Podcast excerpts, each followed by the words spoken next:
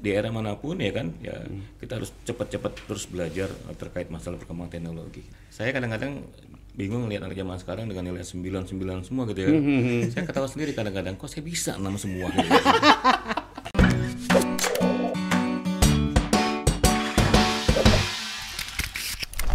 Selamat sore Tribuners, welcome to Tribun Batam Podcast. Sore Tribuners. Udah sama Mas Aku ikut lagi nih ya. Iya Eh, nih, duh, rindu kita. Kalau ini aku harus ikut. Karena ada Bang Diki. Ada Bang Diki. Bang Diki izin, Bang. Siap. Maskernya diturunin deh, biar teman-teman Tribuners tahu. biar kita aja yang Nah, pakai coba masker gini. nih. Nah, kan gitu. tuh. Kalau kita tetap harus jalankan protokol Iya, kesehatan ya. Kita undang Bang, Bang Diki Diki Wijaya, Wijaya. tokoh pemuda Batam. Batam. Kita bisa bilang kita bisa bilang juga tokoh tokoh, pemuda, pemuda. Kepri. Iya. Ya, ya. Beliau ini PNS juga, Mm-mm. punya bisnis juga ya Bang. Iya. Nah, ini nah. Kalau yang suka nongkrong-nongkrong, suka ngopi, Ngopi, harus ngopi. mampir tempatnya Bang Diki. Bang Diki ini sekarang eh, apa Bang? Kesibukannya? Kegiatannya, kesibukannya? Eh, Aktivitas lah. Ya, kesibukannya mungkin selain eh, saya bekerja di Dinas Pendapatan Daerah ya kan selaku sekretaris PP2RD Provinsi Kepri. Mm-mm. Juga banyak kegiatan-kegiatan lain yang saya tekuni di luar itu yang tadi disampaikan oleh Mas Danang juga bahwa saya juga mengelola eh, bisnis eh, warung kopi lah, warung kopi. Namanya namanya namanya. Luhung Oma Kopi. Luhung Ah, Oma tuh, Kopi. Luhung Oma Kopi. Biar Nama- yang punya sendiri yang nyebut ya. Itu. Luhung itu nama anak saya yang nomor 4 jadi Iya. saya badikan jadi warung kopi saya. Oh. dan sedikit-sedikit juga saya ingin belajar broadcast juga ya saya juga mengelola media juga media juga media online yang ada di Batam, ya. Mm-mm. Oke. Oke, oh, berarti PNS, bisnis. Mm-mm. Yang Nga- ngaturnya gimana? Nah, media. ya ngaturnya kan gampang kalau jam kerja kita kan di kantor jam 8 sampai jam 16.00 kadang sampai jam 17.00 waktu kita kerjakan di saat uh, selepas kerja aja jam 6 sore sampai malam biasanya untuk mengelola itu gitu loh.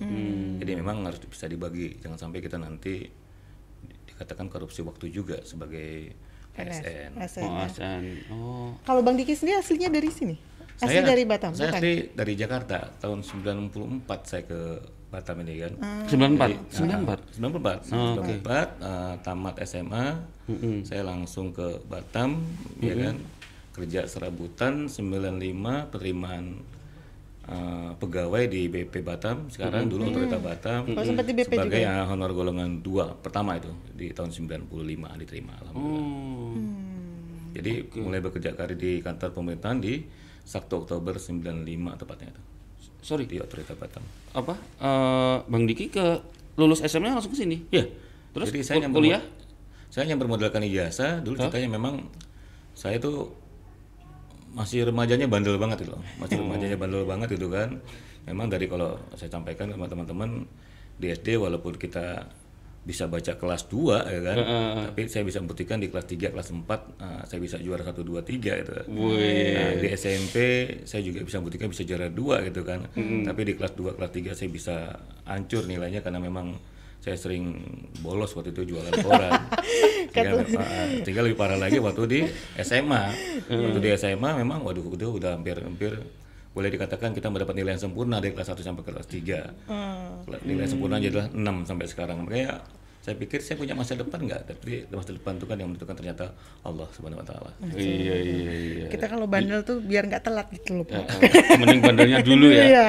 Sekarang, Sekarang hari ini kan Iya. kelihatan kan. Iya, Kalau hari ini seperti hasilnya seperti ini nggak mungkin berarti sekarang nggak nggak bandel kayak. bandel. Bandelnya udah hilang kayak. Udah hilang, makanya Mas- udah masih dikit-dikit.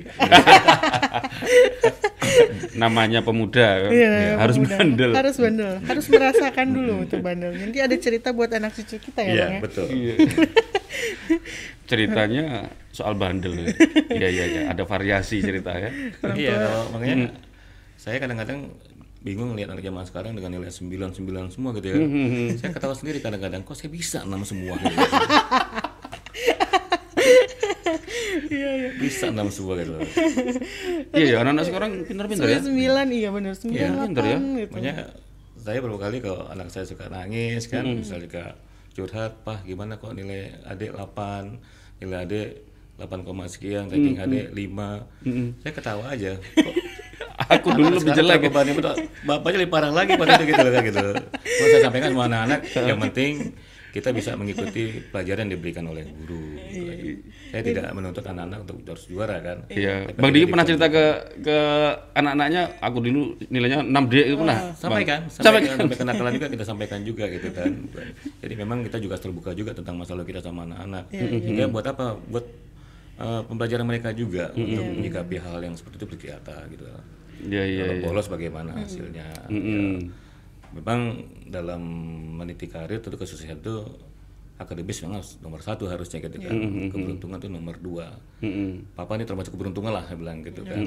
Nah anak-anak jangan sampai karena keberuntungan tapi raih akademis sebaik-baiknya. Mm-mm. Aman dulu di akademis, keberuntungan nyusul lah. Ya kebetulan Iya, musuh. iya, iya, iya. Beda-beda zaman nanti takutnya Pak. Nah, ya tadi apa yang disampaikan Bang Diki pas lah. Maksudnya kita ingin melihat bagaimana menurut Bang Diki eh, pemuda atau kita bilang sekarang anak zaman now ya, anak milenial ini eh, bagaimana sih harusnya menyikapi masa depan atau bagaimana Iya. mereka harus berkontribusi buat masyarakat, buat bangsa. Nanti minta minta masukan lah atau kita gali lah bagaimana menurut Iya. ini Bang Mungkin Diki. kalau dulu bandel tapi sekarang bisa sukses. Nah itu kan mungkin jalannya beda nih. Nah, ya, Iya. ya. sekarang betul. tapi udah dipermudah sama teknologi segala macam. Betul. Nah itu gitu.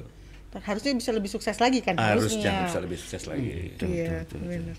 Berarti dulu datang ke Batam nih belum kuliah ya bang? Belum, karena memang ijazah belum diterima.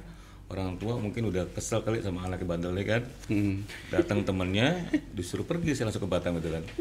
Jadi waktu itu betul-betul Enggak ini dipastiin ini perginya itu minggat, diusir atau perginya apa Bang? dipaksakan supaya pergi ya. Karena kalau bukan kali orang tua kalau saya masih di sana juga, wah ini anak mau jadi apaan gitu kali kan. Iya, Kerjanya juga di terminal, berantem, berkelahi kan. Macam-macam lah pokoknya. Tawur. Tahu oh, pokoknya tawuran lah segala macam. Nah, intinya pas kita ke Batam baru bisa berpikir bahwa tujuan orang tua baik membawa kita menjadi lebih baik lah. Iya, nah itu. Jadi hanya SMA, jadi 97 eh, saya ke- kuliah mulai di dulu di perguruan tinggi Batam, Undika sekarang selama tahun 2001. Tahun 2003 saya lanjutkan lagi kuliah di S2 Komunikasi Dr. Sutomo Surabaya. Surabaya. Jadi saya yang buktikan bahwa mudah-mudahan anak yang bandel ini dulu di keluarga bisa memberi perhatian khusus untuk bagian pada orang tua dengan cara bagaimana kita meraih pendidikan lah. gitu. Iya, iya, iya. iya. Terbukti Kalau sekarang. iya, kalau Bang Diki nih yang dulunya anak bandel nih. Ini kalau hari ini hobinya apa, Bang? Saya kalau hobi banyak ya, tapi nggak bisa dipegang semua kan.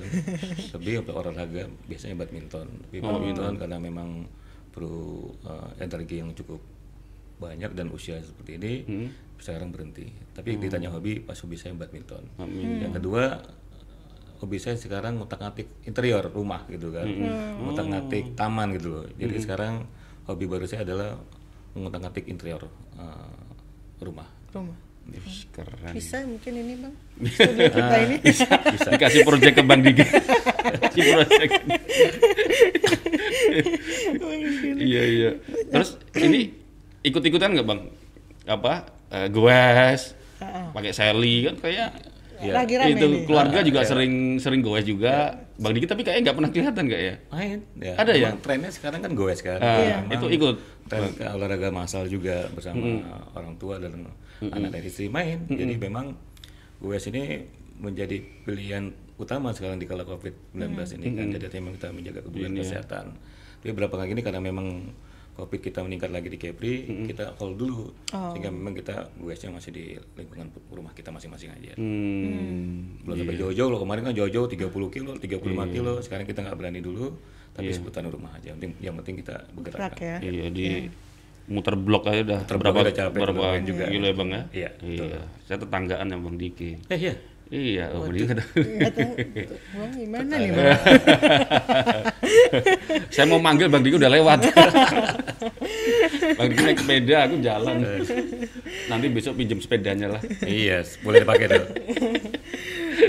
Tapi Iya. bang Diki kalau apa kemarin saya baca-baca nih kan karena mau tamunya datang bang Diki jadi saya baca-baca nih bang Diki ini sebenarnya siapa sih sosoknya? Iya, iya, iya, Terus iya. yang muncul tuh ada beberapa artikel ya mungkin Heeh. bang Diki ini pernah semangat mau memas apa muncul di beberapa Muncul, media iya. ini mun- eh, muncul Di sebagai Pilwako. calon wali kota Batam. Itu Iya. Ceritanya gimana tuh bang?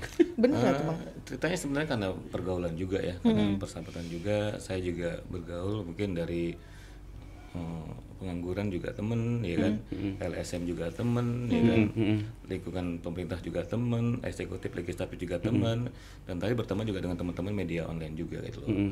Hampir hari-hari media online ngumpulnya di tempat saya kan, ngobrol cerita segala macam gitu kan. Jadi cerita-cerita mereka cuma ngasih lemparan aja, bang abang cocok nih kayak jadi wali kota. Dia bilang kalau jadi wali kota ya kita harus mundur lah dari PNS gitu kan. Bang boleh nggak saya naikin beritanya? Ya mau aja gitu loh. Udah akhirnya langsung viral satu minggu itu. Sosok Diki Wijaya cocok menjadi wali kota Batam. Alhamdulillah langsung tujuh hari kemudian dipanggil Bawaslu. dengan Oh, sem- sempat dipanggil Bawaslu? Ya, dengan alasan ASN tidak boleh mengkampanyekan dirinya sebagai kepala daerah. Namun waktu saya dipanggil Bawaslu saya bilang "Eh, ini proses penetapannya kan belum, ya kan? Proses eh, pelaksanaan juga belum pernah pernah dipanggil saya bilang. Tapi kalau orang punya cita-cita kan nggak salah orang punya cita-cita. Kadang-kadang anak tanya mau jadi apa? Wali kota, gubernur, presiden. Masa dilarang kan? Nggak bisa. iya, iya. Tapi kalau proses dilaksanakan salah, misalkan saya PNS nih kan, saya mendaftar ke partai politik, boleh saya kena sanksi politik, sanksi hukum. Karena memang saya seorang ASN tidak boleh berpolitik praktis kan gitu. Tapi kalau ada usulan dari Mas Danang dari teman-teman yang lain, Bang Diki cocok jadi wali kota, sah-sah saja orang gitu kan. Iya. Tapi itu kemarin terlalu cepat saya dipanggil Bawaslu, dan saya bilang sama Bawaslu, tolong nama saya dijernihkan kalau memang saya tidak bersalah gitu. Dan hari itu juga dijernihkan bahwa memang saya tidak bersalah. Iya. Tapi kayaknya Bang Diki cocok ini jadi penantang petahana. belum lah petahana petahana kita masih cukup eh, masih tangguh lah dalam arti biarlah dia menyelesaikan eh, pekerjaannya yang baru nanti kan untuk untuk untuk bisa memajukan Batam ke depan itu kan. Siapa pun yang maju nanti biarlah senior senior kita dulu lah. Wes senior senior. Tapi ke depan ada masih rencana, pemuda. ya, amin mudah-mudahan. Oh masih ada, ada rencana Iya. pak? Tapi eh? ke depan Oh iya, iya. Mudah, tapi Tapi memang memang saatnya apa yang muda yang muncul. Iya, harus yang harus yang muda sekarang Iya, soalnya ini bang, saya pernah ngobrol sama ada beberapa teman itu eh, kalau ngomong soal politik di Batam itu partis- partisipasi pemilih di anak muda di Batam itu kan termasuk rendah. Yang kalau ngomong partisipasi pemilih di kota Batam pun di seluruh Indonesia kan Batam termasuk rendah. Iya, betul. Apalagi anak mudanya. Iya, nah, itu aku pernah baca di di yang ngomong Bawaslu atau siapa saya lupa. Kalau nggak salah mau dikoreksi ya. Jadi karena mereka tuh bosan dengan tokoh-tokoh yang itu itu Itu-itu saja saja. gitu Iya, loh. benar. Jadi memang Gitu. apatis ya pak. Iya, jadi cenderung akhirnya orang tuh apatis. Nanti kita bicaralah yang soal politik lah Iya, peran iya, itu benar. nanti gimana bisa itu. nih pemuda nih harus Iya. sebenarnya aktif juga di politik sebenarnya. Penting. Iya, Bang, eh, apa?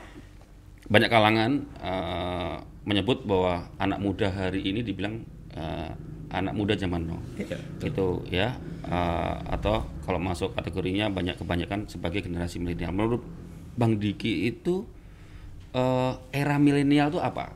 Iya. Bukan generasi, generasi milenial. Kalau generasi milenial kan kita bisa bilang mulai umur 80 iya 90 eh Nah, lahiran 9 1980 80 sampai 90 Nah, sampai 90. Nah, kalau era milenial itu apa, Bang? Nah era milenial ini memang eh, sekarang banyak perubahan-perubahan kan. Jadi kalau kita bicara misalnya kalau dulu kita masih transaksi dengan uang tunai, ya kan? contoh sekarang sudah kita transaksi dengan digital, dengan OVO, dengan dana kini dan lain-lain segala macam. Di era milenial ini memang kita diminta untuk terus eh, bisa mengetahui perkembangan-perkembangan teknologi yang ada di baik dunia ataupun juga di Indonesia gitu kan. Karena Semuanya serba sekarang teknologi serba- ya? Sekarang serba teknologi serba era digital. Jangan sampai nanti anak cucu kita ya kan teknologi terus berkembang bergerak terus ya kan apalagi sekarang udah 410, besok udah 510 ya kan. Terus kita kalau nggak tahu apa-apa nih kita bingung. Banyak sampai sekarang juga orang mau ngupload foto ke handphone mungkin belum ngerti juga gitu kan. Sekarang betul kata Pak Presiden kita Pak Jokowi, melihat dunia nggak usah harus lagi pergi ke negara itu. Cukup dengan Android kita udah bisa lihat dunia. Mau lihat apa sekarang? iya, ya kan? Betul. Mau lihat Amerika, Australia, Belanda, semua ada di handphone sekarang. Jadi artinya memang eh, era milenial ini betul-betul era yang beranjak dari perubahan-perubahan yang tadi tradisional sekarang ke era digital itu. Betul, betul. Ya semuanya serba digital. Digital. Serba digital. Iya, iya. Iya, benar bang. Kalau memang anak-anak milenial ini ya kita eh, suka tidak suka ya kan? Kita akan melihat kalau mungkin eh, Mas Danang atau Mbak udah punya anak di rumah gitu kan ya. Sekarang anak-anak umur enam tahun bahkan enam tahun dia udah bisa nge-upload kan? Iya. udah Iya, bisa Mereka lahir udah ketemu handphone ya. udah bisa main Udah bisa, YouTube. Bahkan sudah banyak jadi youtuber juga bisa Iya, iya, juga gitu. jadi memang sekarang ini peradaban memang sudah mulai berubah besar-besaran gitu kan ya. Sampai sekarang anak usia dini pun sekarang sudah paham terkait masalah teknologi digital tadi gitu loh. Nah kalau kita ini kan produksi X tadi gitu kan. Produksi X tadi memang alhamdulillah walaupun kita dulu kita di dulu emang dulu zaman kita tidak ada tapi paling tidak sekarang kita masih bisa menyaksikan gitu loh. Iya. dan kita jangan jangan sampai menyaksikan aja. Dan kita terlibat di dalamnya dan Iya. kita mengerti juga di dalamnya. Karena kalau sampai kita nggak ngerti wah repot. Suatu Iya. saat suatu saat nih ya suatu saat Indonesia misal tidak lagi dilakukan pembayaran dengan uang tunai pembayaran dilakukan dengan elektronik ya e-money misalnya kan. Mm, mm, mm, mm.